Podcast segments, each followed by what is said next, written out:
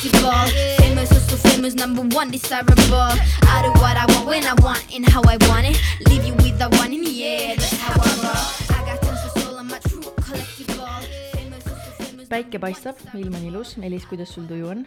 mul on väga hea, nii mõnus on nagu nädalavahetust alustada hästi varakult ja kohe asja kallale nii-öelda, seda, mida meeldib teha, vaata. millal sa viimati nädalavahetusel või vabal päeval üldse said nii vara püsti kui täna?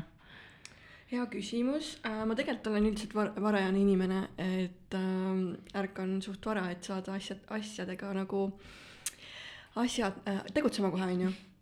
et aga mõnikord ma luban endale ka kell üksteist ärgata ja niimoodi, et äh, eks see on, kuidas kunagi tead, kuidas kulgeb. Täna on jah, kuidagi ilm õnnistas meid, kuidagi tundub, et sihuke esimene kevadine päev, tundub, et tuleb väga hea saade nagu alati. ja, ja me oleme siin Palo Altos jälle. teist korda. aga, aga, aga enne siis, kui ma paljastan selle nime, kes meil siin täna teisel pool lauda istub, siis äh, ma räägin, miks me ta üldse meie saatesse kutsusime, et tegelikult äh, ausad naised seisavad ju ka selle eest, et hakata rohkem vaatama iseendasse, et mis võib-olla on mulle, mis ei ole.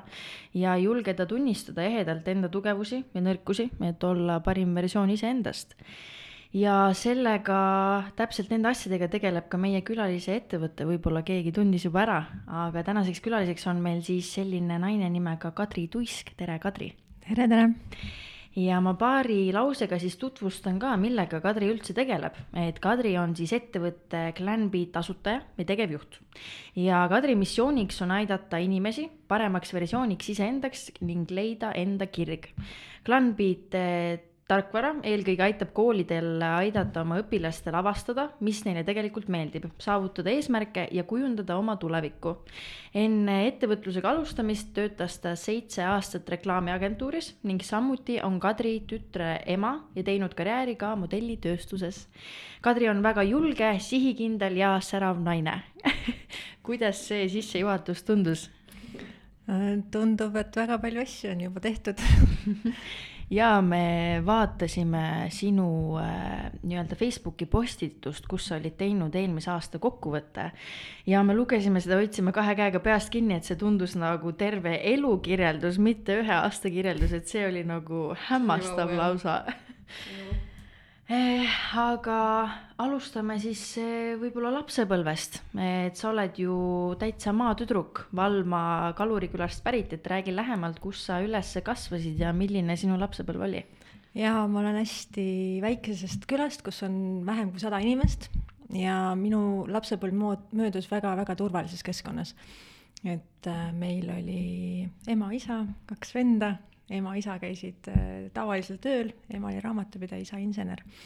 ja, ja, ja kõik teised enam-vähem selles külas olid kalurid, välja arvatud minu vanemad. et äh, üksikute eranditega ja see oli hästi äh,, siis oli veel nõukogude aeg, lapsed pandi põllule tööle, et minu esimene raha, mis ma teenisin, oligi põllu peal kive korjates. et äh,, et siis olid sellised ajad, kus äh, toitu sai veel talongiga ja et äh, praegu vabas maailmas on selle aja peale väga naljakas mõelda, et niimoodi elati, aga kui sul ei ole väga palju valikuid, siis ei ole ka väga palju probleeme. Vanemad olid siis äh, toetavad su suhtes ja, ja, ja kas nad toetasid ka sinu nagu ideid ja mõtteid, kuhu sa tahtsid nagu elus edasi minna või noh, kelleks sa tahtsid saada, et kas nad toetasid seda? väga huvitav, et sa küsid, sest ma just oma emaga rääkisin sellest eile, et, et ma ütlesin talle väga suure aitähi, et ta on äh, minu osas hästi vaba olnud, et ta ei ole kunagi äh, keelanud mul midagi teha, ma hakkasin suht varakult maailmas reisima, iseenda otsuseid tegema, ise elama, et äh, see, ta julgustas kõiki mu samme ja ta ei teinud neid maha ehk et ta lasi mul need valud ise läbi elada ja ta lasi need õppetunnid ise kätte saada, et kuigi ta võib-olla alati ei arvanud, et need asjad õiged on, aga ta ei sekkunud sinna ja ma olen sellest hästi tänulik.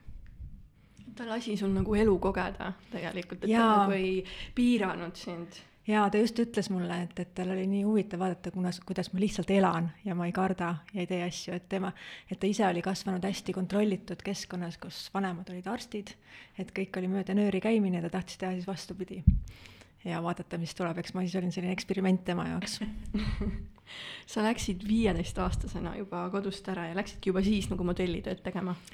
Esimest korda modellitööd ma läksin tegema viisteist aasta lõpp, kuueteistaastase algus Pariisi. mm. -hmm. kas sul tuli, kust tuli selline idee, kas sa ise nägid, et sul on selline potentsiaal, välimus modellitööstuses nagu läbi lüüa ja ei, absoluutselt, ma olin väga ebakindel enda välimuse osas ja, ja mul ei olnud seda. aga kui sa vaatad, kuidas teismelised arenevad ja inimene üldse ennast kujundab, siis inimesed kujundavad ennast vastavalt sellele, kuidas nad peegeldavad ennast vastu maailma. ja, ja, ja kui keegi sulle midagi ütleb, siis sa seedid selle läbi. Ja keegi so-, keegi mu perekonnast soovitas mulle, pani mulle ajalehe äh,, siis olid veel ajalehed ja kuulutused äh, populaarsed, ütles, et, et Eestisse tuleb selline modelliagentuur tegema äh, äh, casting ut, et äkki sa tahad minna, et, et selline konkurss on. ma ütlesin ei, mina küll kuskile ei lähe, aga tegelikult ma läksin salaja, hääletasin äh,, see oli siis viieteistaastaselt Pärnusse Viljandist ja läksin sinna konkursile ja võitsin ära selle. ja siis sõitsin tagasi Pärnust äh, nende modelliagentuuri omanikega, kes siis tulid mu vanematelt luba küsima, et kas ma võin minna Pariisi, kuna ma olin alaealine. ja siis mu ema oli väga üllatunud kui ma tagasi tulin sealt. aga kuidas, võib-olla viieteistaastasena sa ütlesid, et sa olid ebakindel, et kui, kuidas sa ennast tundsid, et sa nüüd perest eemale, Pariisi kaugele, modellitöö, et kuidas, kuidas see sisetunne oli siis? ah, see oli väga äge, ma saan, see oli minu esimene, esimene kord elus ka lennukiga sõita. ja ma ei olnud kunagi lennukiga sõitnud ja siis ma mäletan, et ma juba mingist ühe või kahe nädala pärast, pärast seda teadasaatmist äh, lendasin Pariisi ma mäletan, ma planeerisin oma kohvrit selliselt, et äh, ma joonistasin endale kohvri ja planeerisin kõik asjad sinna sisse, sest ma ju planeerisin ette. ja kui ma lennukisse läksin, siis äh, kõigile jagatakse lennukis vaata tasuta toitu. ja mul ei olnud raha nagu väga palju ja siis ma mõtlesin, et okei okay,, ma ei julge seda toitu võtta, äkki see maksab ülipalju, sest mul oli selline mulje, et lennukiga sõitmine on hästi-hästi kallis. ja ma ütlesin ei, ei, ma ei võta seda ja siis ma nägin, et kõikidele jagati seda toitu, siis ma sain aru, et see on tasuta, et siis ma olin nagu vea teinud, ehk ma õppisin läbi äh, väikse planeerimise ja läbi enda nii-öelda katsetuste, et äh, see tekitas seda enesekindlust, aga mul ei olnud seda hirmu, et mul pigem oli uudishimu ja elevus ja ärevus.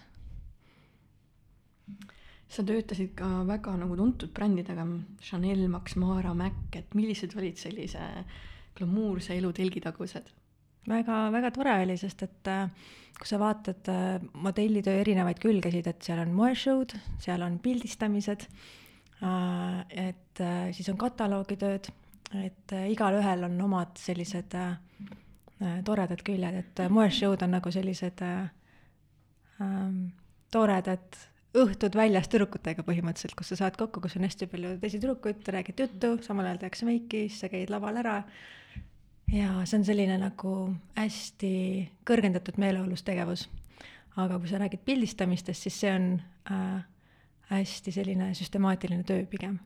et ja sind lennutatakse erinevatesse lokatsioonidesse, et ma olen kuskil Malaisia džunglis pildistanud ja kuskil äh, waterfall'ide all, et, et see oli ka väga tore, et sa näed maailma tegelikult ja nagu sa oled ju just selle modellitöö tõttu nii palju reisinud, et võib-olla jaga, mida see meeletu maailma nägemine sulle siis nii-öelda andnud on.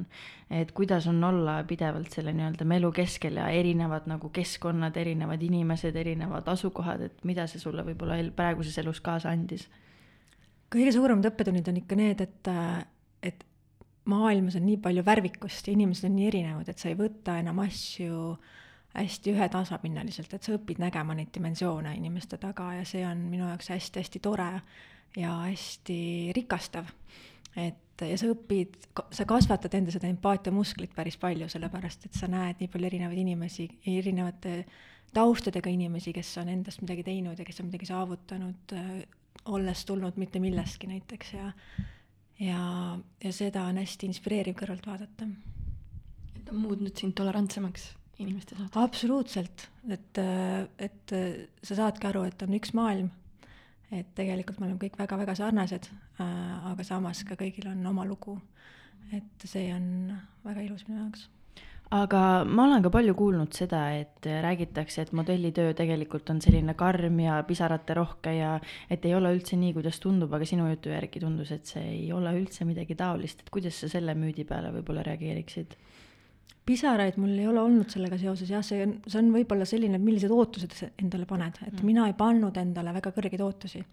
et minu eesmärk ei olnud saada maailma kõige kuulsamaks modelliks, Äh, ja minu, minu eesmärk ei olnud üldse modellindusega karjääri teha. Et mina võtsin seda kui võimalust äh, näha maailma, reisida ja aru saada, mis ma üldse teha tahan.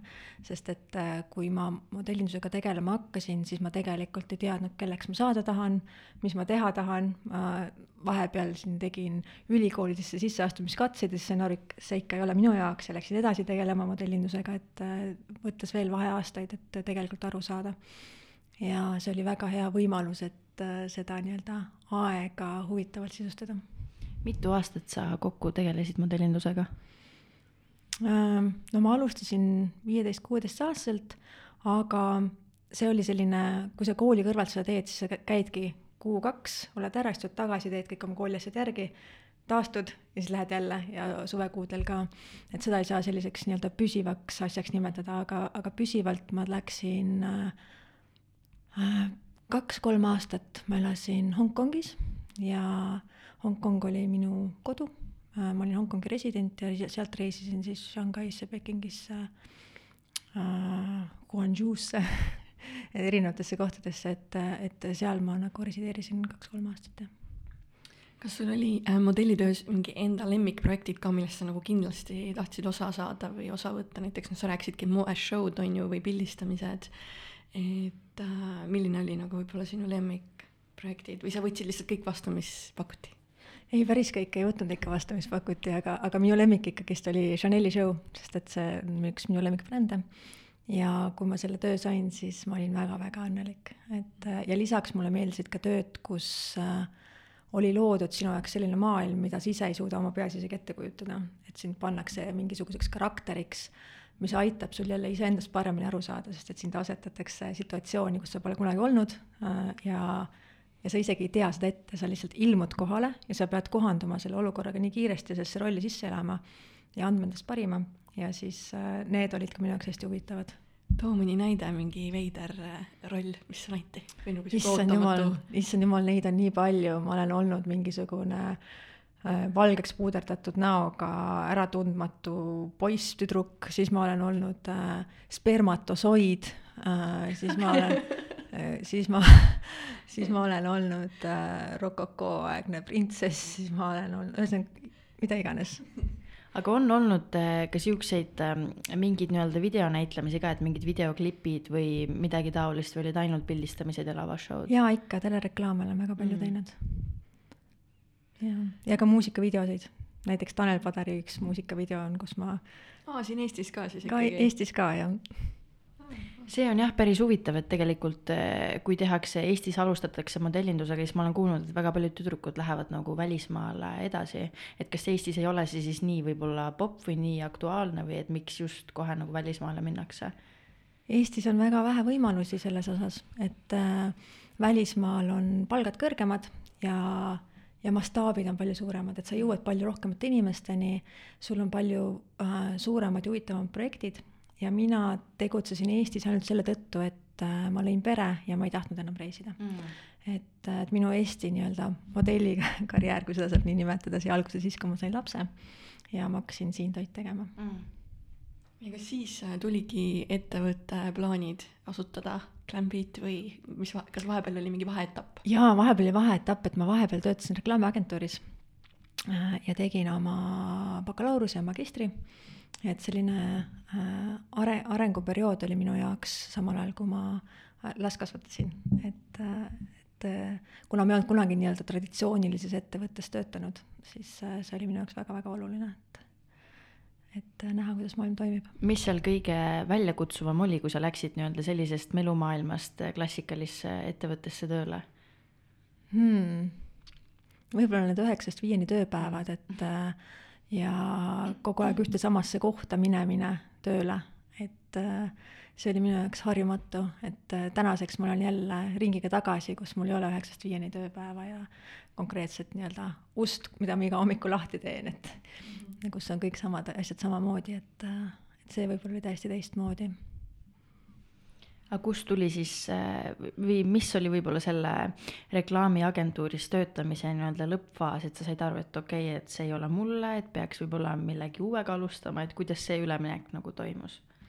ja ma töötasin reklaamiagentuuris Divisionin, Division, mis siis sellel hetkel oli minu arvates üks Eesti kõige-kõige ägedamaid ja paremaid reklaamiagentuure.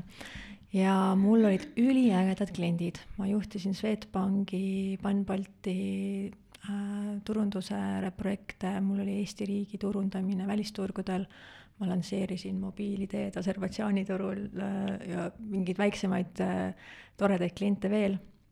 Ja siis ma saingi aru, et, et need on nii ägedad asjad, mis ma teen, et äh, aga mis edasi. et, et äh, ma ei näinud nagu seda järgmist sammu endale selles ettevõttes, et äh, et ma olen need kõik ägedad asjad ära teinud. Ja kui ma neid samu ägedaid asju kümme aastat veel teen, et kas ma siis arenen, et kas mul on äh, äh, ruumi liikuda, et ma, ma tundsin, et mul tuleb kõik puusalt enam, et ma ei pane ennast sellesse äh, ebamugavustsooni. ja ma muutusin liiga mugavaks ja mulle ei meeldinud see absoluutselt. ja siis äh, siis ma otsustasin anda lahkumisavalduse ja ise teadmata, mida ma edasi teen. et äh, lihtsalt ütlesin, et aitäh. Ähm, kas sa oled endas alati täheldanud seda ettevõtliku ettevõtja soont nii-öelda, et, äh, et tahad nagu teha, alustada mingi uue idee elluviimisega? ei, ei ole kusjuures, sellepärast et äh, see on nagu nii äh, random minu jaoks, kui ma küll, kui ma noor olin ja modellimisega tegelesin, siis ma tegelikult juba mingisuguseid märke oli näha, sest et kui ma erinevate riikide vahel reisisin, näiteks kui ma läksin Pariisist Milanosse või Milanost Aasiasse, siis ma tegelikult äh, ise suhtlesin regla-, nende modelliagentuuridega ja ise leppisin kokku neid asju juba väga noorest east, et, et see juba natukene tähendab mingisugust ettevõtlikkust, et sa ise neid asju teed. aga siis ma ei osanud neid märke veel märgata ja ja ettevõtlikkusele suunas mind tegelikult reaalne vajadus, et ma nägin, et midagi oleks vaja ära teha ja kõige lihtsam ja parem viis selleks on see asi ise ära teha, et. Mhm. ja kust see vajadus tuli?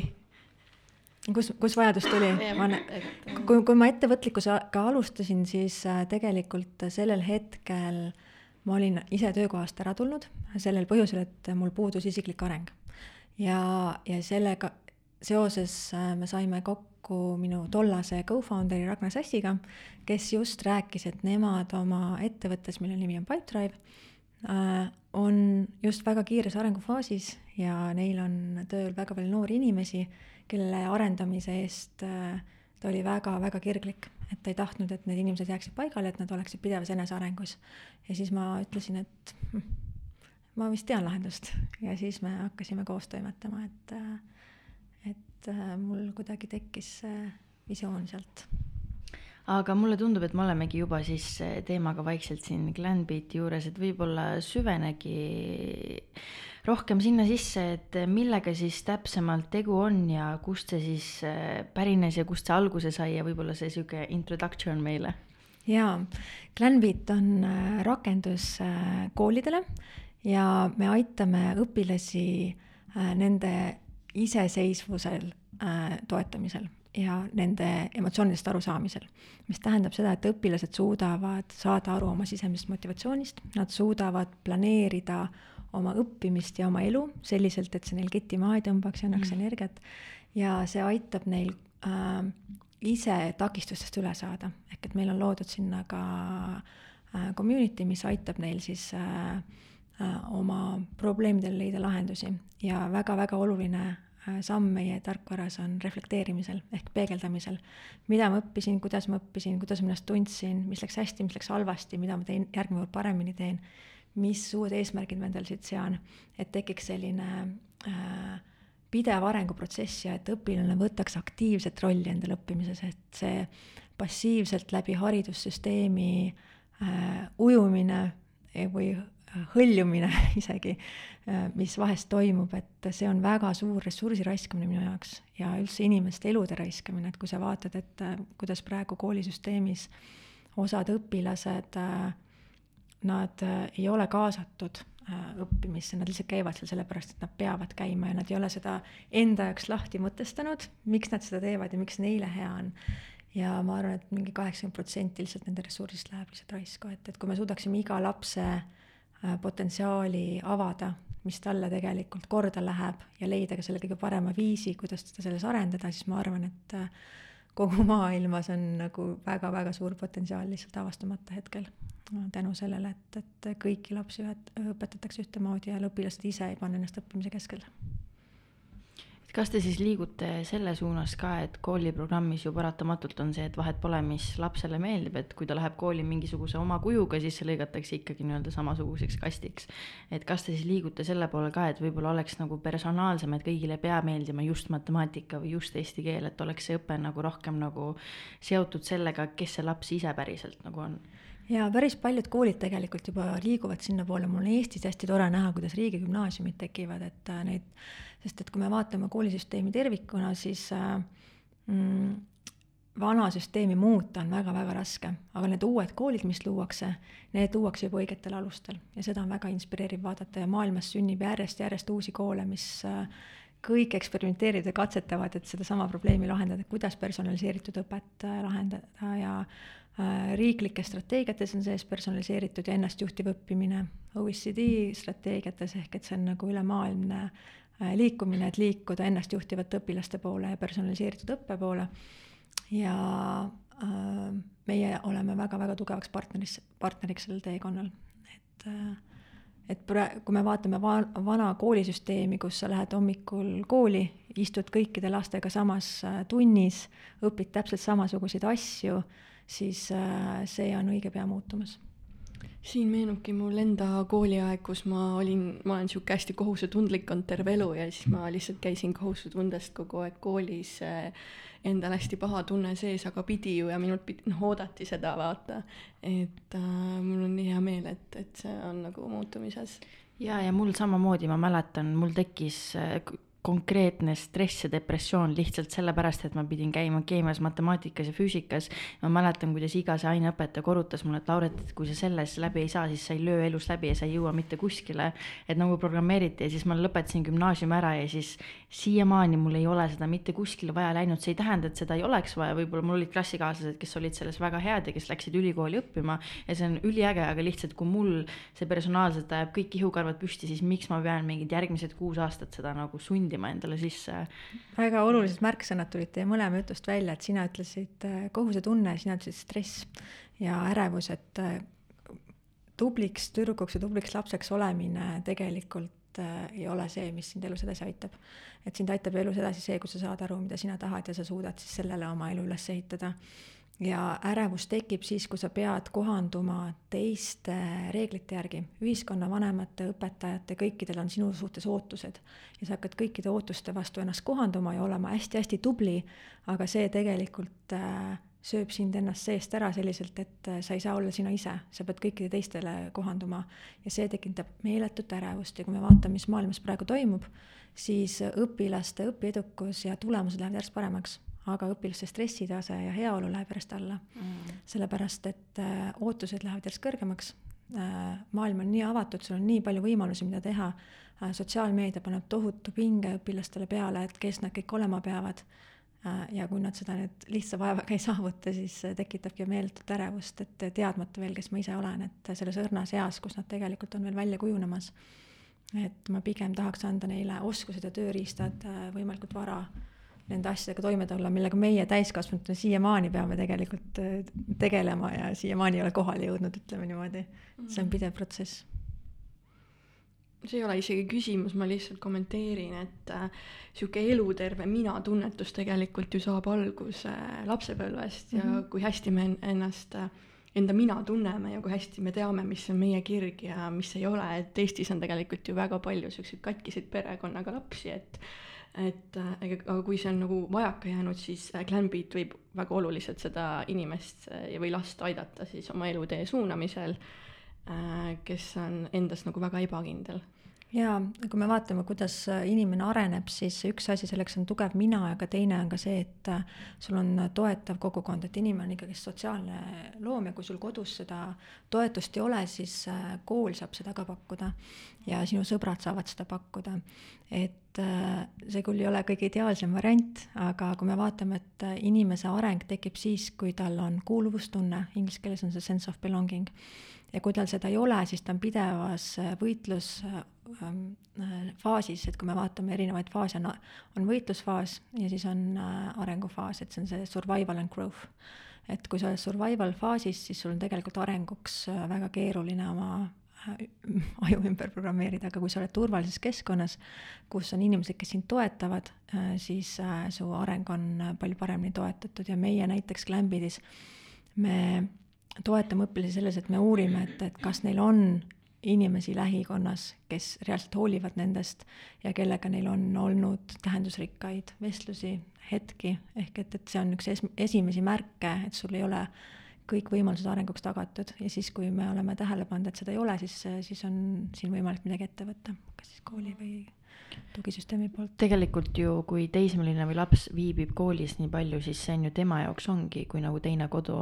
ja kui sul nüüd kodukeskkond ei ole hea ja koolikeskkond ei ole hea, siis tegelikult on see nagu suluseis. et siis oleks ju, see on lausa nagu imeline, ütleks, et kui sul on vähemalt kool see, kuhu sa lähed rõõmuga, sul on seal võib-olla toetavad sõbrad, õpetajad, sa saad, ma ei tea, sooja lõuna seal.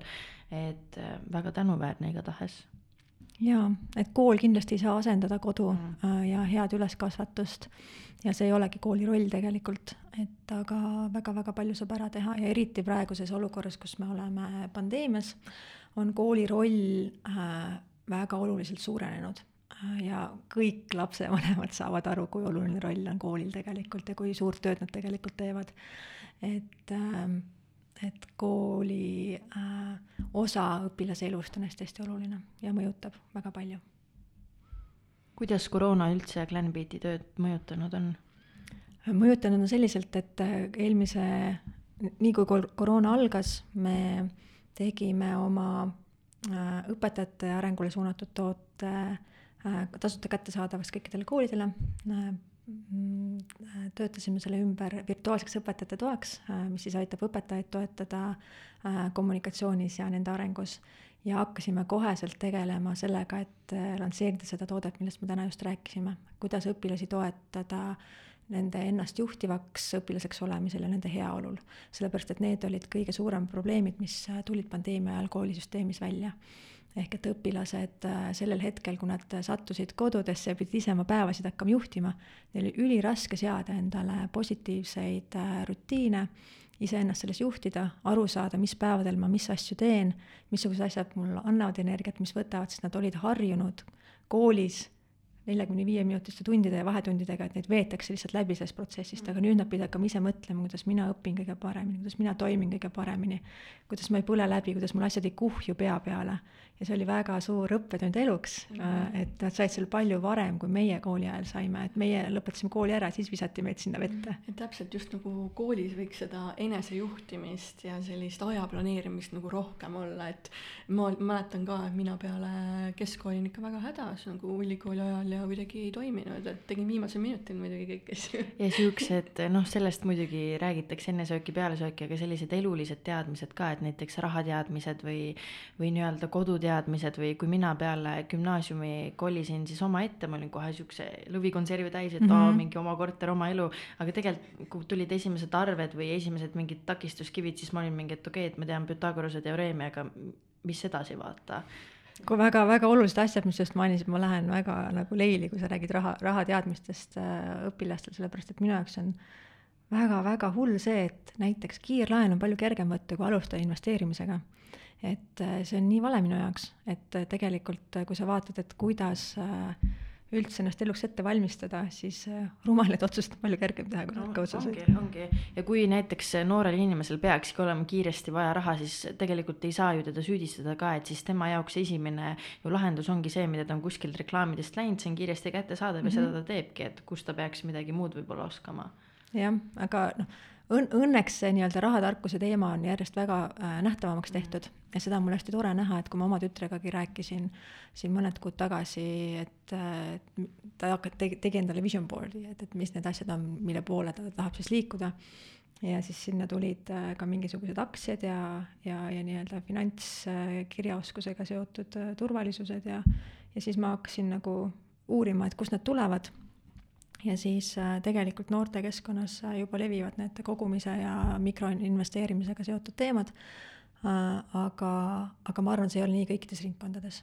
ehk et, et võib-olla see ei ole nii-öelda kogu selle meedia osas, mida nad tarbivad, Tiktokid, Snapchatid, Instagramid, et et seal sa saad ise kujundada endale selle infovoo ja kui sa ei ole selles keskkonnas, kus sellest kogu aeg räägitakse, siis sa tegelikult, see infovoog ei kujune selle ümber, kujunebki teiste teemade ümber, mis võib-olla ei vii sind elus nii palju edasi Äh, kas ma saan aru, et see tarkvara on nagu fokusseeritud rohkem lastele, aga seal võib nagu täiskasvanud ka sellest äh, osa võtta või? See on fokusseeritud äh, tervele klassile või siis tervele koolile kasutamiseks ja sellel on ikkagi sees ka täiskasvanud, tavaliselt on see klassijuhataja mm., kes siis selle tutvustuse õpilastele teeb ja, ja siis iganädalaselt siis õpilasi toetab seal et äh, õpilased saavad sellest ka iseseisvalt kasu, aga õpetaja on seal, kes siis, äh, temale jõuavad äh, rohelised ja punalised lipukesed, mis aitavad tegelikult tal märgata, kus kohas on vaja toetada õpilasi. et kas keegi on õppimises maha jäämas, kas kellelgi on väga halvasti mingisuguses piirkonnas, et, et pigem aitame ennetada probleeme, mitte siis, kui Äh, juba asjad on väga-väga halvasti, ehk et kui me vaatame, millega klassijuhataja tegeleb, siis klassijuhataja tegelikult tegeleb hästi palju probleemide lahendamisega, keegi ei saa, äh, keegi sai kahe, keegi suitsetab nurga taga, keegi lõi kedagi, ehk et need asjad on juba aftermath asjadele, kui asjad on halvasti. et meie eesmärk on, et asju märga-, õpilasi märgatakse varem ja, ja sellest tekib ka siis ülekooliline statistika paremaks koolijuhtimiseks, et, et oleks aru saada, missugused teemad on aktuaalsed, missuguseid teemasid peab rohkem toetama äh, klasside lõikes äh,, kus on hästi, kus on halvasti, et, et tekiks selline live data, mille pealt saab tegelikult õpilasi toetada siinkohal ma tahan öelda ka, kui meeletu roll on tegelikult klassijuhatajal, et mina ütlen ausalt, kui mul ei oleks olnud sellist klassijuhatajat, kes mul gümnaasiumis oli, siis ma sada tuhat protsenti ei oleks gümnaasiumit ära lõpetanud. issand, hea kuulda seda. et see oli puhtalt ainult tema pärast ja sellepärast, et ta tõesti hoolis, ta tõesti tundis huvi ja tema pärast ma julgen öelda, et selle tunnistuse nagu kätte sain. et see, mis roll, ta ei ole lihtsalt õpetaja või lihtsalt klassijuhataja, et tal on tegelikult kõikide nende noor, noorte elus väga-väga-väga suur roll ja minu jaoks klassijuhataja on kangelased selles mõttes, et nad teevad seda tööd oma teiste ainetundide kõrvalt, et kui sa vaatad klassijuhatajat, siis nad ülitihti on, nad annavad eesti keelt, inglise keelt, ükstaspuha mingit muud ainet, et nad teevad seda teiste asjade kõrvalt. ja nende tunnid on väga-väga loetud, et nad peavad suutma märgata, mis toimub iga õpilase elus. Nad peavad suutma abi pakkuda ja nemad on need, kes tegelikult peaks olema see esimene radar, et aru saada, kuidas õpilastel läheb ja see täitsa oleneb õp-, õpetaja enda äh, personaalsest äh, ja emotsionaalsest intelligentsist, et kui hästi ta suudab õpilastega suhestuda ja nendest aru saada, neile ka tuge pakkuda. et, et äh, me anname ka tuge nagu koolidele, kus kõik õpetajad ei ole võrdse tasemega, et, et õpet-, et õpilasi märgata. aga need, kes on nagu väga-väga head klassijuhatajad, need saavad väga tugeva kaaslase endale meie näol, et et klassijuhataja on kangelane sada protsenti nõus, jah äh, kuidas see asutus või see inimene saab aru, et tal on nüüd vajadus selle teenuse järgi, et kuidas nagu alustada, et kuidas üldse Glenbeat nagu leida? Glenbeati leiab niimoodi, et sa lähed Glenbeati kodulehele äh,, klassijuhataja või siis koolijuht või koolipsühholoog või ükstaspuha missugune kooli tugitöötaja läheb kodulehele, vajutab alusta ja ta saab äh, ühe-kahe minutiga endale konto püsti panna ja see on tasuta klassi tasandil. ehk et äh, see on väga-väga lihtne ja tänu Teliale äh, me oleme ka eesti ja vene keeles, mis tähendab seda, et me ei ole ainult inglise keeles. ehk et Telia tegi siis Eesti äh, inimestele jõulukingituse ehk et õpilaste heaolu oleks tagatud, et see jõuaks iga, iga Eesti kooli õpilaseni. kas seal on siis nagu mingid erinevad paketid? Või? ei ole, ei ole, on, on tasuta äh, kõikidele klassijuhatajale ja klassidele üle Eesti ja kui kool tahab seda kasutada terve kooliga, siis see on tasuline. -hmm. mis hinnaklassi see jääb? see oleneb kooli suurusest mm. -hmm. okei okay. E,. kust Glenbeati nimi üldse pärineb, kust see alguse sai? Glenbidi nime, nimi on lugu on väga huvitav, sest et äh, kui me selle ettevõtte kunagi väga ammu alustas, asutasime koos Ragnar Sassiga, siis me istusime Nopi kohvikus ja mõtlesime, mis see nimi võiks olla. Ja siis pakkusime erinevaid äh, variante. Ja meil oli hästi oluline, et tekiks selline pere ja ühtne äh, grupitunnetus. Ja samas nagu, et see oleks staatiline, et see oleks selline äh, elav. Ja siis äh, klann on nagu perekond, klann, see tuli Ragnarilt ja beat on nagu heartbeat, südamelöök, see tuli minult, et siis me panime clan beat kokku ja siis saigi äh, perekonna südamelöök. nii äge, kui sa loed seda nime, siis üldse ei paneks seda story't Ja, ja. väga lahe aga me oleme teinud ka väga palju pivoteid, mis tähendab seda, et me alustasime äh, startupidele enesearengu ja one-on-one'i tööriista pakkumisest ja siis me jõudsime lõpuks koolideni äh, läbi mitmete pivotite, ehk et see on hästi huvitav teekond, et äh, aga me nime ei ole muutnud, sest et nimi on väga hea mm. -hmm kas mingis mõttes võib väita, et see on nagu virtuaalne coaching'u programm?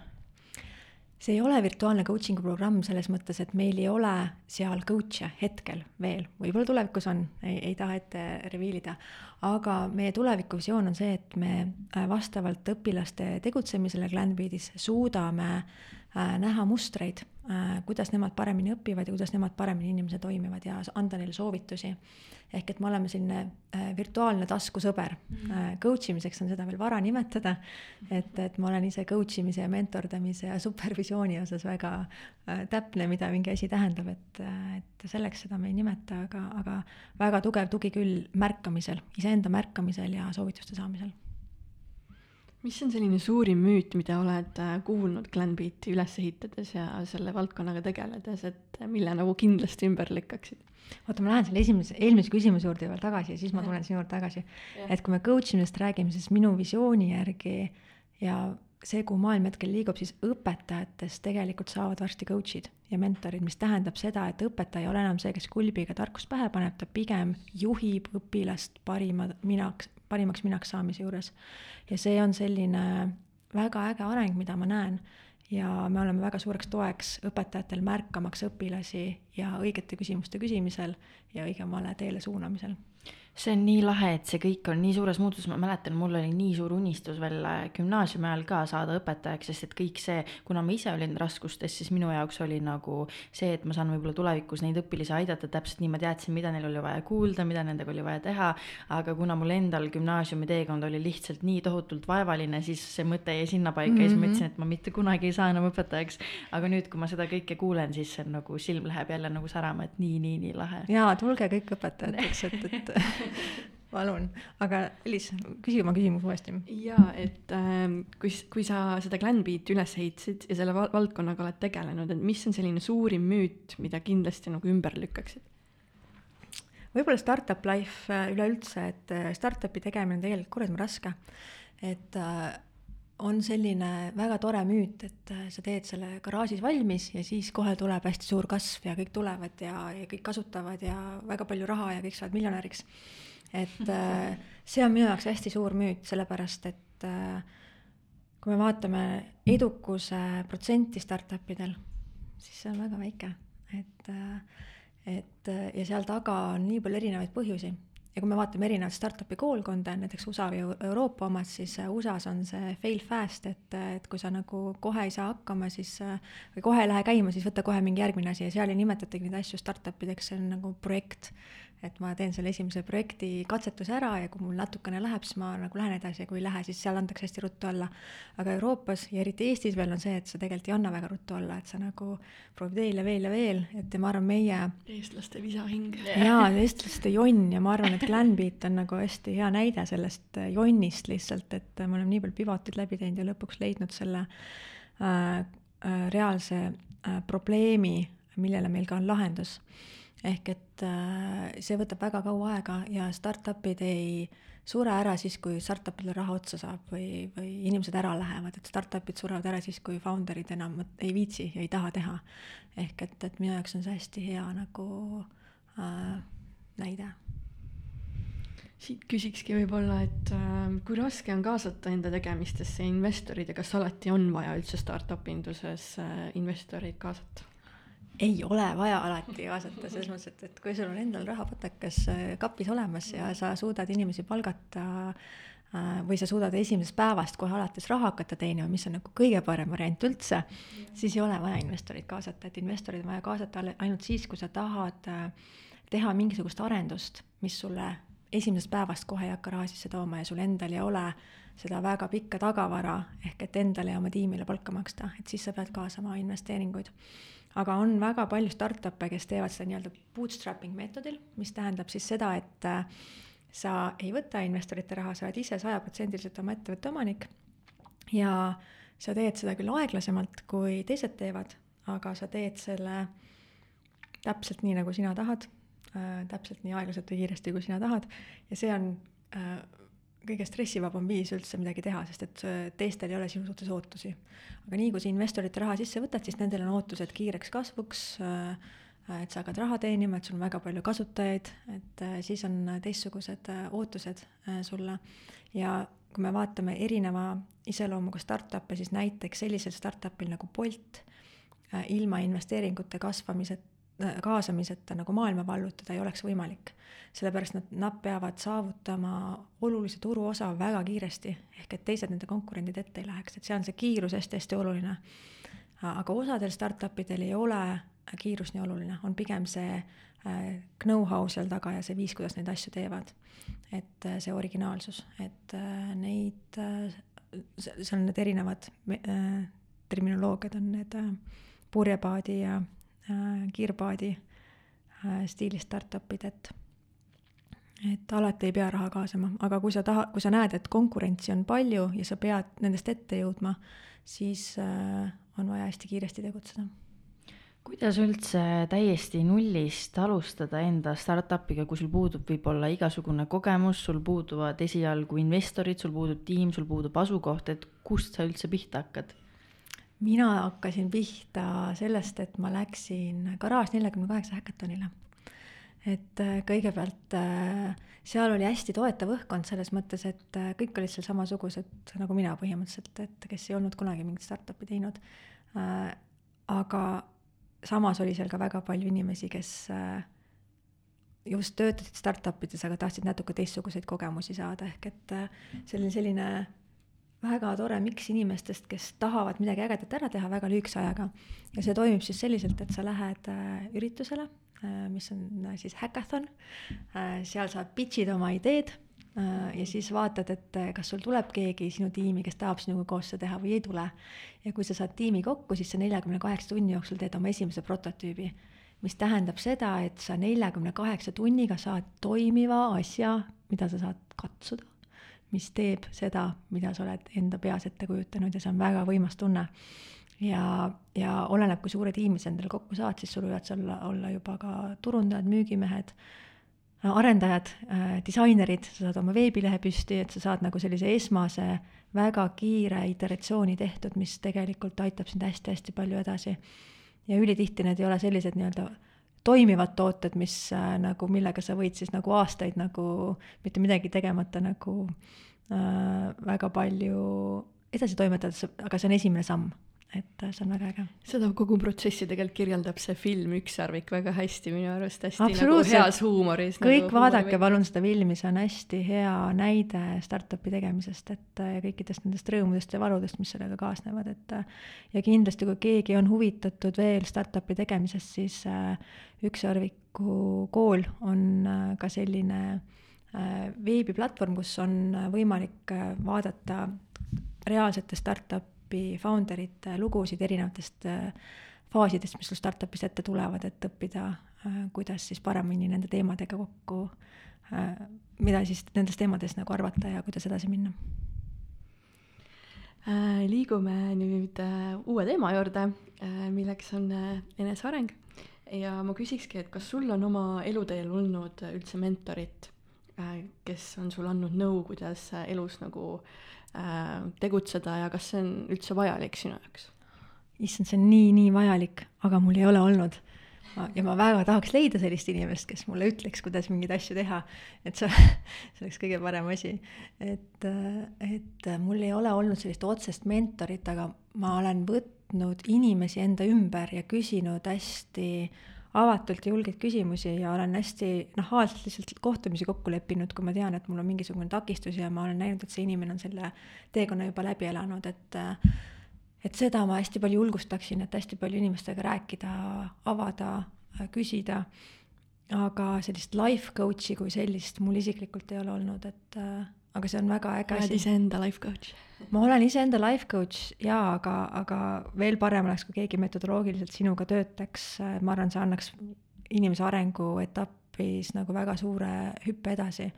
ehk et äh, see tuleb ära teha, tuleb leida, aga, aga hea küsimus on, kus seda leida, et seal peab väga tugev inimesega match ka olema, et üks asi on töö coaching, mis on üks asi, seda on nagu lihtsam leida, et seal on hästi kindlad metodoloogiad, aga life coaching, et seal peab väga tugev inimesega klapp olema see on hea, mis sa mainisid, et, et tegelikult tuleb lihtsalt küsida, et tihtipeale on võib-olla see, et inimesed ei julge või nad kardavad, oh, tal ei ole aega, ta ei taha minuga rääkida, aga tegelikult minu kogemusest inimesed jagavad väga-väga-väga hea meelega nõu ja oma teadmisi, et lihtsalt küsida ja ma arvan, enamus asjad tänu sellele nagu tulevadki jaa, ja, ja, ja ma hästi hindan ka neid äh, inimesi, kes ütlevad, et never eat alone näiteks on ju, et, et alati lepi endale kokku huvitavaid kohtumisi.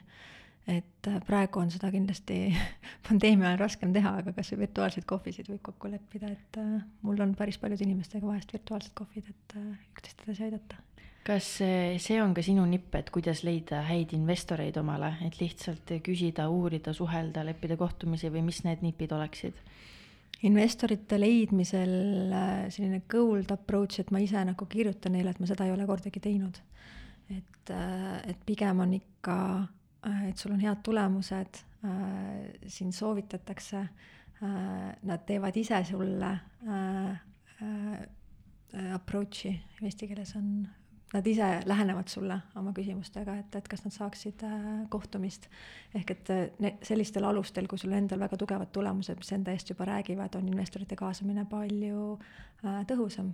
et äh, kuigi, kui, kui veel ei ole tulemusi ja sa oled lihtsalt alustav, siis pigem osaleda häkatonidel, seal te jääte väga hästi silma investoritele ja äh, kindlasti võib ka ise otse äh, approach ida, et, et paljudel äh, ähm, investoritel on kontaktandmed internetis olemas. või, või siis vaadata äh, LinkedInis, kas teil on ühiseid tuttavaid ja paluda teha endale introsid, et äh, see on alati tõhusam kui külmalt peale lendamine, sest et äh, et ma korraks segan, et ikkagi äh, startup'i nii-öelda keskkonnas on see LinkedIn hästi oluline, et see oleks nagu must have. LinkedIn, Facebook ka, et, et ma ise olen LinkedIni viimasel ajal äh, rohkem kasutama hakanud, kuna minu enda sihtrühm koolide näol on äh, koolijuhid ja on seal, aga, aga, aga sotsiaalvõrgustikud kui sellised, et äh, Instagramis ei ole väga palju äh, professionaalselt hetkel minu, minu valdkonnas teha, aga LinkedIn ja, ja Facebook küll, jah küsiks siukse küsimuse, et äh, mis sind päeva alustades, mis sind käima tõmbab, mis sind inspireerib? et ma kuskilt lugesin, et sa tegeled hommikuti taliujumisega, kuidas sellega läheb? hommikuti, viimasel ajal ma olen käinud päeva lõpus, et äh, eile-üleeile käisime tütrega äh, linnahalli juures, et äh, väga mõnus selge vesi oli. et äh, jää on eest ära läinud juba, et selline kevadine tunne on, et aga, aga see vist ei ole see, mis mind hommikul päris voodist püsti äh, ajab, et, et, et mind ikka inspireerib äh, nagu see nagu see võimalus elus midagi ägedat ära teha, ehk et, et ma olen hästi-hästi inspireeritud meie missioonist ja visioonist, mida me nagu maailmas teha tahame ja ma näen, et see on reaalselt aitab inimesi, siis see ongi see, mis mind hommikuti voodist üles äratab ja mulle hullult meeldib vara ärgata. mul väga meeldivad minu enda hommikud, kui mul praegu on käsi murtud, aga enne seda mulle meeldis hommikuti ka väga trenni teha ja, ja ka praegu ma käin jalutamas tütrega hommikuti, et värsket õhku saada, enne kui päev pihta hakkab. mis su hommikurutiini veel kuulub, et mis sa kindlasti tahad ära teha, enne kui sa tunned, et okei okay,, nüüd on hea alus pandud päevale hmm,? Ide-, ideaalis võiks olla ikkagist mingisugune füüsiline tegevus, enne kui sa üldse oma päevaga alustad, et saada energia käima, veri käima ja selg sirgeks, et, et see ei oleks selline äh, amööb et see on mul väga, ma meditatsiooniga äh, hommikuti ei tegele, et äh, kuigi see pidi olema ka väga-väga hea viis. ma hommikuti alustan journalingiga, mis siis aitab mul oma mõtted lahti kirjutada ja aitab nagu üldse aju ka tööle panna. et, et ma ei asu kohe töömeilide kallale ega asjade kallale, et ma pigem nagu üritan päeva äh, mõtestada alguses läbi selle, et mis ma näen, et mis kõige-kõige olulisem on ja siis äh, siis alustada nende konnade söömist ja siis minna edasi teiste asjade juurde, et et jah, journaling on minu jaoks väga oluline jah, mul endal ka siis, kui ma avastasin enda elus kirjutamise, siis see oli ausalt öeldes elumuutev. ja nüüd, kui ma tunnen, et ma ei ole võib-olla nädal aega kirjutanud ja siis ma olen sihuke pahur ja vastik ja kõik ei lähe hästi, siis ma saan aru, et aa, ma ei ole kirjutanud mm.. et see on jah, see on asi, mis on tegelikult nii lihtne, aga kuidagi nii nagu muudab nagu väga-väga-väga palju.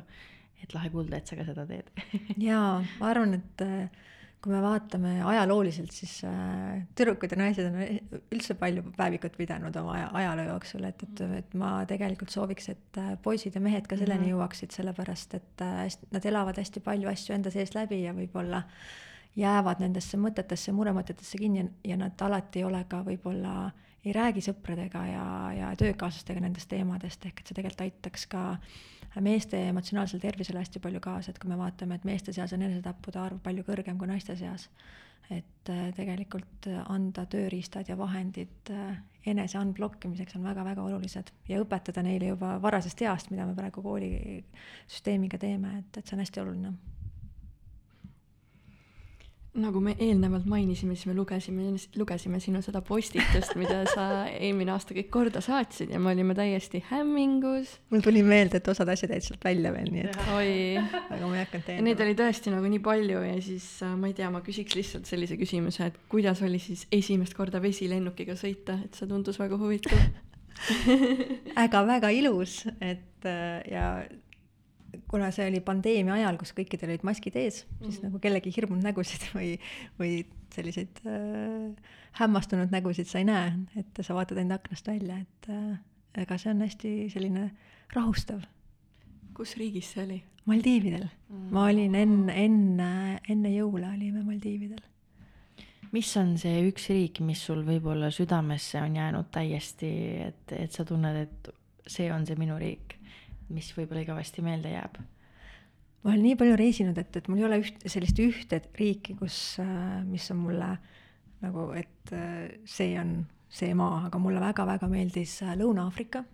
et see oli hästi eriline minu jaoks ja Island oli ka päris äge tegelikult, sest me käisime Islandil ka siis, kui seal ei olnud väga palju turiste. ehk et äh, oli võimalik rahulikult ringi vaadata äh, loodust nautida ja mulle hästi meeldivad äh, pigem loodus, kaunid kohad, kus saab matkata, looduses olla, mägedes käia, džunglites käia, ehk et ma olen hästi selline maalähedane turist, et, et mulle kõrghooned ja luksus väga peale ei lähe, et ma pigem, pigem oleks jalgupidi metsas Island ja Uus-Meremaa on minu jaoks alati siuksed äh, hästi võluvad kohad olnud just looduse poolest ja kus ongi nagu võimalus matkata, olla selle looduse keskel, et need on kindlasti mu need äh, dream destinations siis. oh, ma Uus-Meremaale pole jõudnudki veel, et ma sinna, sinna, sinna tahan minna veel, et see on mul bucket list'is no vot mis on sinu jaoks kolm kõige tähtsamat asja elus üldse ja miks hmm,? perekond armastus ja see, kuidas sa maailma endast paremini maha jätad. et äh, need on minu jaoks kõige olulisemad asjad. väga ilusad vastused, Elis, mis sul on? mul või? mul on ka äh, täisväärtuslikud äh, suhted enda ümber ähm,. jah, et sa leiad enda südameasja, enda kire, enda täispotentsiaali. jah ja kolmas hmm..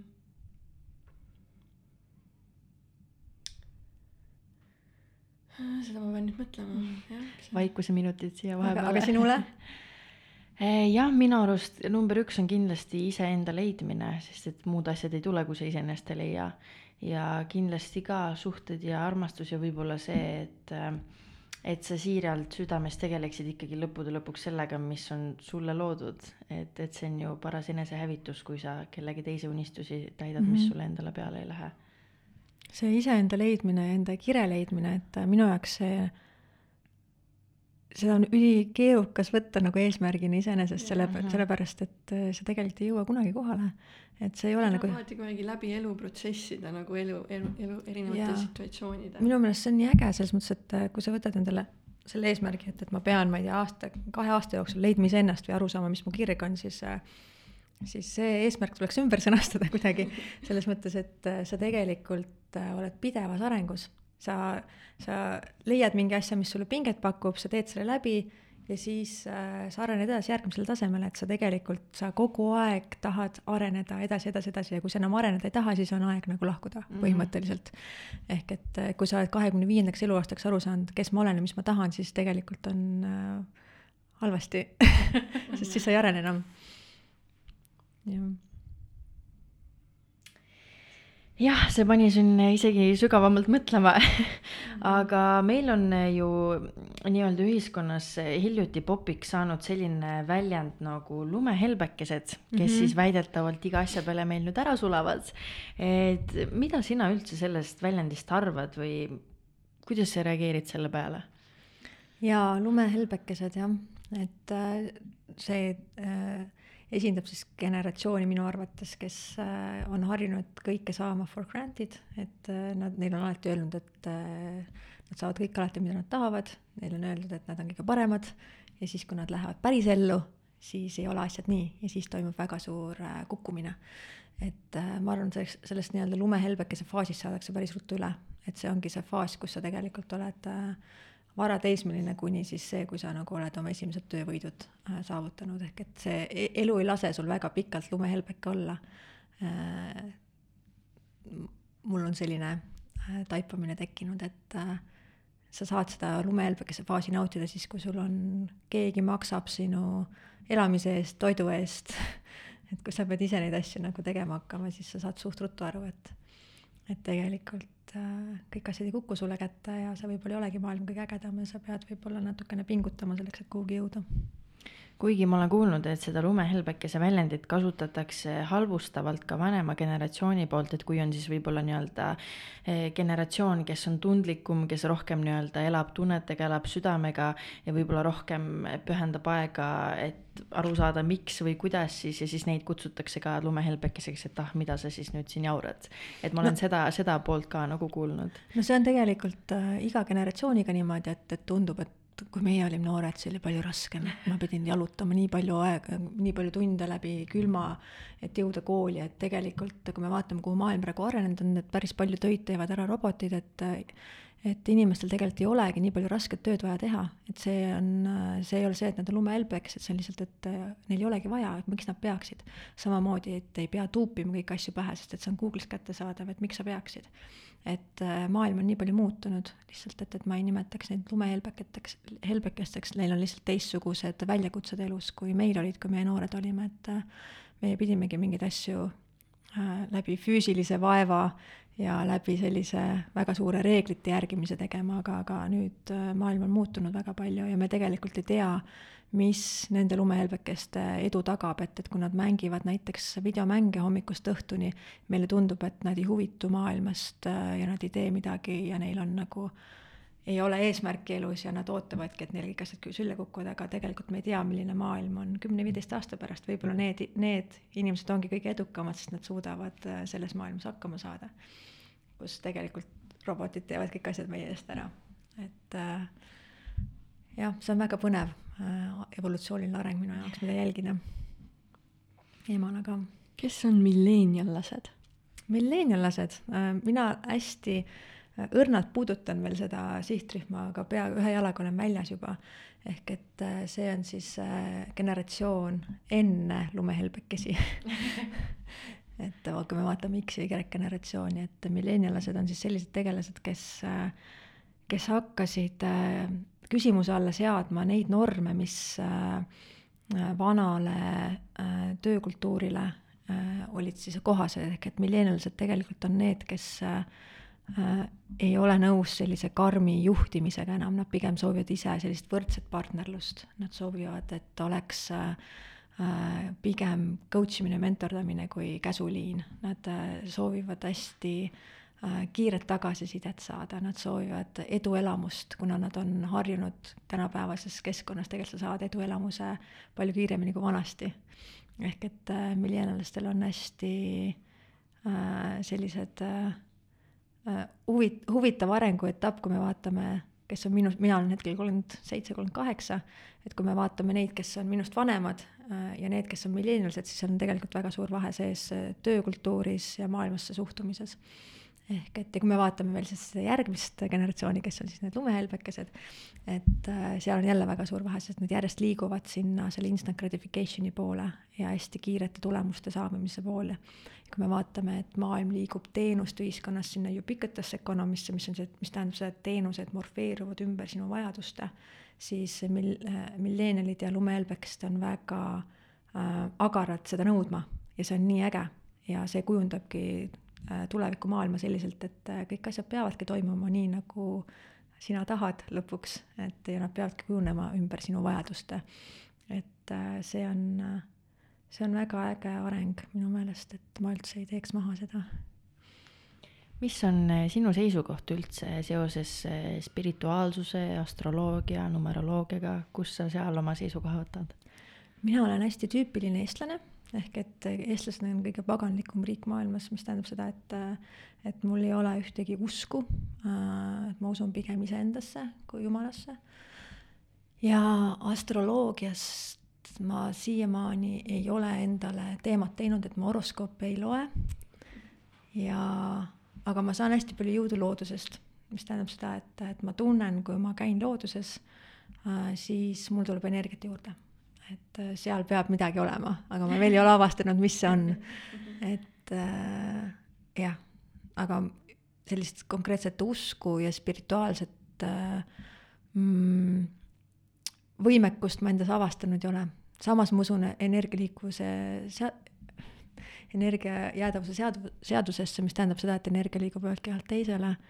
et äh, seal on minu jaoks hästi tugev seos, et, äh, et seda on ka huvitav jälgida. Mm. -hmm eks see ole jah kõigi jaoks nii erinev, kuidas me oleme seda küsimust varem küsinud ka ja vastused ei ole kunagi samad olnud, nii et seda on huvitav jälgida ja aga mm, mina küsiks ka, et kuidas sina, lugedes su nii-öelda toimetamisi ja tegevusi ja ettevõtmisi, et kuidas sa võtad kahekümne neljast tunnist maksimumi ja et selle kõrvalt leida veel aega iseendale, perekonnale, vabale ajale, et mis need sinu nipid on?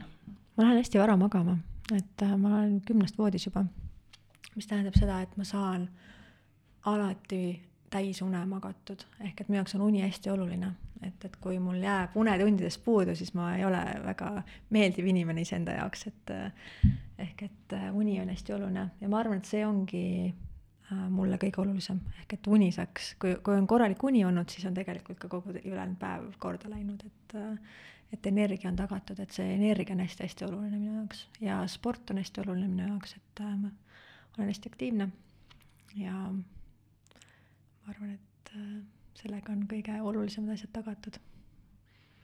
kas äh, emaks olemine on kuidagi ähm, sinu ettevõtmisi ka raskendanud või kuidagi pead ümber mõtlema mingeid asju? vastupidi, kergemaks on teinud, sellepärast et äh, ma ei võta äh, nagu ühtegi I don't take no bullshit anymore, mis tähendab seda, et äh, sa, sul tekib see filter, et mis on oluline, mis ei ole oluline ja sa ei tegele enam asjadega, mis ei ole olulised, ehk et enne lapse saamist äh, ma võtsin kohtumisi inimestega, kes võib-olla ei olnud mulle kõige õigemad edasi aitamaks mind lihtsalt sellepärast, et nad tahtsid kokku saada. Äh, ma tegin asju, mul oli hästi raske öelda ei asjadele, aga nüüd mul on palju kergem ei öelda asjadele, et, et teha, öelda jah ainult nendele asjadele, mis mind ise edasi aitavad. Äh, kuna aeg on väga piiratud ja ma arvan, et äh, seda õpivad kõige paremini väikelaste emad, et, äh, et, et kui sa nagu äh, väikese lapse kõrvalt pead hakkama midagi tegema, siis sa tegelikult elu paneb asjad paika. et sul ongi tegelikult väga väike fokusseeritud aeg, kus sa saad midagi teha ja siis sa teedki neid asju, mis on kõige-kõige olulisemad, olulisemad ja need, see aitab sul tegelikult seada fookust ja aru saada, mis on oluline, et, et see on, mulle väga meeldib äh, see, kuidas inimeste enesejuhtimise oskused lähevad palju paremaks alati ema, pärast emaks saamist vaata, Elis, kui huvitav on äh, näha, meil on varem ka käinud emasid ja hästi palju lugusid oleme kuulanud, et äh, ongi kaks varianti, et kui laps sünnib, siis kas see on nüüd asi, mille pärast sul on kiire, sa ei jaksa, sa oled väsinud või sa muudad selle enda tugevuseks ja just pöörad enda kasuks ja selle pärast nii-öelda hakkad tegutsema. See oleneb ka sellest äh, faasist oma elus, millal sa lapse saad, et mina sain kahekümne kolme aastaselt emaks ja siis ma olin päris noor, mis tähendab seda, et äh, mul seda energiapuudust väga ei olnud. et äh, see ei tekita ja mul ei olnud kordagi küsimust, et kas see võiks saada mulle takistuseks, et see on sinu enda peas ka kinni. et kui sa võtad, kui sa otsustadki, et see ei ole sinu jaoks takistus, siis äh,, siis ma mäletan, et ma käisin, võtsin lapse igale poole kaasa, ma tegin siis hästi palju moe-show sid, mul on hästi palju pilte, kus ta on lihtsalt nagu backstage'is minuga kaasas reisimisel igal pool kaasas, et sa võtadki nagu selle mindset'i, et ta ei ole takistus, ta on sinu tore kaaslane mm. -hmm. ja kui sa kasvatad last selliselt, et sa ei äh, Äh, nunnuta teda nagu väikest beebit, vaid sa võtad teda võrdse partnerina, siis ta tegelikult ise areneb ka palju paremini. ehk et äh, minu jaoks oli lihtsalt äge kogemus. nii armas ja tore on seda kuulda, nii lahe. minul on küll küsimused otsas mina tahtsin veel korra puudutada kiirelt ja põgusalt võib-olla seda investeerimismaailma, et ma tean, et sa oled sellega seotud ka, et kuidas sa sinna jõudsid ja mis seos sul võib-olla praegu sellega on? mul ei ole investeerimismaailmaga mingit seost peale selle, et äh, ma ise olen startup founder, kes on kaasanud oma startup'i investeeringuid mm. -hmm. ehk et ma ise ei ole äh, nii-öelda investor rohkem kui see, et ma isiklikuks ots otstarbeks investeerin mm, -hmm. mis on minu jaoks tegelikult ka hästi huvitav äh, protsess, sest et ma alles alustasin äh, isiklike investeeringutega sellel aastal ja, ja see on olnud minu jaoks väga silmi avav protsess sellepärast et mul oli, alati oli selline tunne, et see on nii keeruline maailm, et mina, kes ma ei ole nagu matemaatikas mingisugune äh, kõige targem inimene võib-olla nagu kooli ajal, et, et kuidas ma nagu saan kõikidest nendest valemitest aru, kuidas ma saan aru, kuidas mingid mehhanismid toimivad. Aga ma tegin otsuse, et ma alustan hästi väikselt. ja, ja ma ei pea kõiki otsuseid kohe tegema ja ma tegin sellise otsuse, et ma liigungi samm-sammu haaval ja vaatan, mis siis saab. ja see on selles mõttes, et sa tegid need sammud ära ja sa näed juba esimesi tulemusi ja sa saad aru, mis toimib, mis ei toimi ja siis sealt saad järgmised sammud teha, et sa ei, mulle hästi meeldib see mentaliteet, et sa ei pea teadma äh, kõiki protsessi samme, enne kui sa teekonnale lähed. ja see on hästi tugev äh, selline juht mu elus ka olnud, ehk et ma ei karda minna teekondadele, kus ma täpselt ei tea veel, mis ette tuleb. ehk et kui me vaatame erinevaid inimtüüpe, siis äh, Äh, osade jaoks on ülioluline kõik sammud ette planeerida, teada täpselt, mis juhtub ja siis nad saavad alles teele asuda, aga ma pigem olen seda, seda mentaliteeti, et, et ma alustan, õpin tee peal, vaatan, kuidas läheb ja siis liigun edasi. Et äh, see on. alusta siis, kui sa valmis ei ole absoluutselt, aga millal sa üldse oled millekski valmis, selles mõttes, et nagu, kes on lapse saamiseks valmis, võib-olla sa oled neljakümne aastaselt, mõtled nüüd võiks saada. või siis investeerimiseks, et mul ei ole nagu, ma ei tea, ma ei tea, miljoneid või kümneid tuhandeid pangakontol, et, et ma veel ei või investeerida, tegelikult sa võid kümne euroga juba alustada investeerimist. ja, ja see võib ka olla, et sa oled nagu mindset'iga valmis, aga see, mis tegelikult toimub, siis tegelikult selleks sa väga nagu valmis ikkagi ei olnud, vaata, et tuleb midagi muud. Jah, ja, ja kui sa, kui sa alustad, siis sa tegelikult hakkad märkama seda infot. ehk et kui ma alustasin investeerimisega, siis äh, ma lugesin hästi palju selle kohta, võtsin nädalavahetused ja, ja siis sa hakkad märkama rohkem sellega seoses artikleid, sa hakkad märkama inimesi, kes sellega tegelevad, sa hakkad seoseid tegema iseenda jaoks, et see on selline orgaaniline protsess, et et kus saab äh, minna sisulisemaks ja ini-, maailm ise kohandub sinu ümber selle, sedasi ja kui me vaatame uudisvoogusid ka, siis nagu uudisvoog tegelikult kohandub selle ümber, mille vastu sa huvi tunned, et sa tegelikult hakkad märkama neid asju aga minu poolt ka rohkem vist midagi ei ole, ma sain nii palju teada ja väga-väga-väga lahe saade tuli, et võib-olla sul on endal midagi, mida sa kuulajatele veel jagada tahad või öelda või mainida hmm.?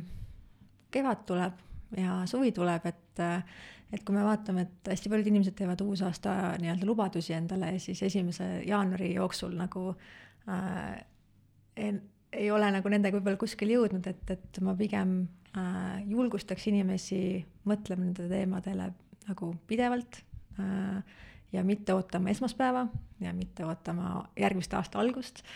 et tegelikult nende asjadega, mis sul on olulised, saab tegeleda kogu aeg. et äh, võta endale nädalavahetus, hea tee ja kohvi ja, ja mõtle läbi oma asjad, et nüüd, mis need asjad on, millega saad edasi minna, et äh, et siin ei ole midagi karta ja hakka minema isegi kas väikeste sammudega, ehk et, et kui sa tahad investeerimisega alustada, ka kümme eurot on okei okay., kui sa tahad startup'i hakata tegema, siis kas või osalemine Garage neljakümne kaheksal kas või kuulajana, alguses mitte kas või esijana, esinejana, juba see on väga suur samm edasi. et, et väikesed sammud aga unistuste pool. Elis, on sul ka midagi lisada veel? ei olegi, et mul on see lisada, et aitäh, Kadri, et sa tulid meiega seda kõike siia jagama, et nii häid mõtteid sai, et ma usun, et meie kuulajad ka saavad siia kindlasti midagi kõrva taha võtta, et äh, hästi-hästi suur missioon on sul. see on väga lahe jah ja minu poolt ka aitäh ja kuulajad kindlasti, kui saade meeldis, siis share, jaga, like ja kirjutage meile palun, me ootame kõiki ideid, ettepanekuid, kommentaare.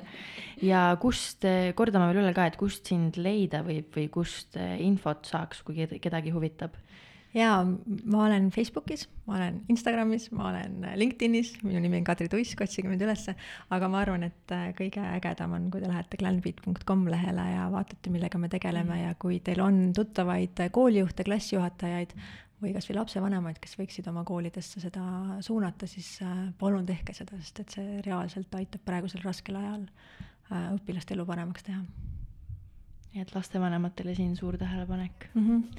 aga aitäh sulle, Kadri väga,, väga-väga tore saade oli. aitäh teile, ilusat kevadet kõigile varsti. ja kuulajatele tšau. tšauki. I got tons of soul on my true collectible Famous, also famous, number one desirable I do what I want when I want and how I want it Leave you with the one in the air, that's how I roll I got change to throw, I don't care about no gold Better, so much better, flipping incredible Always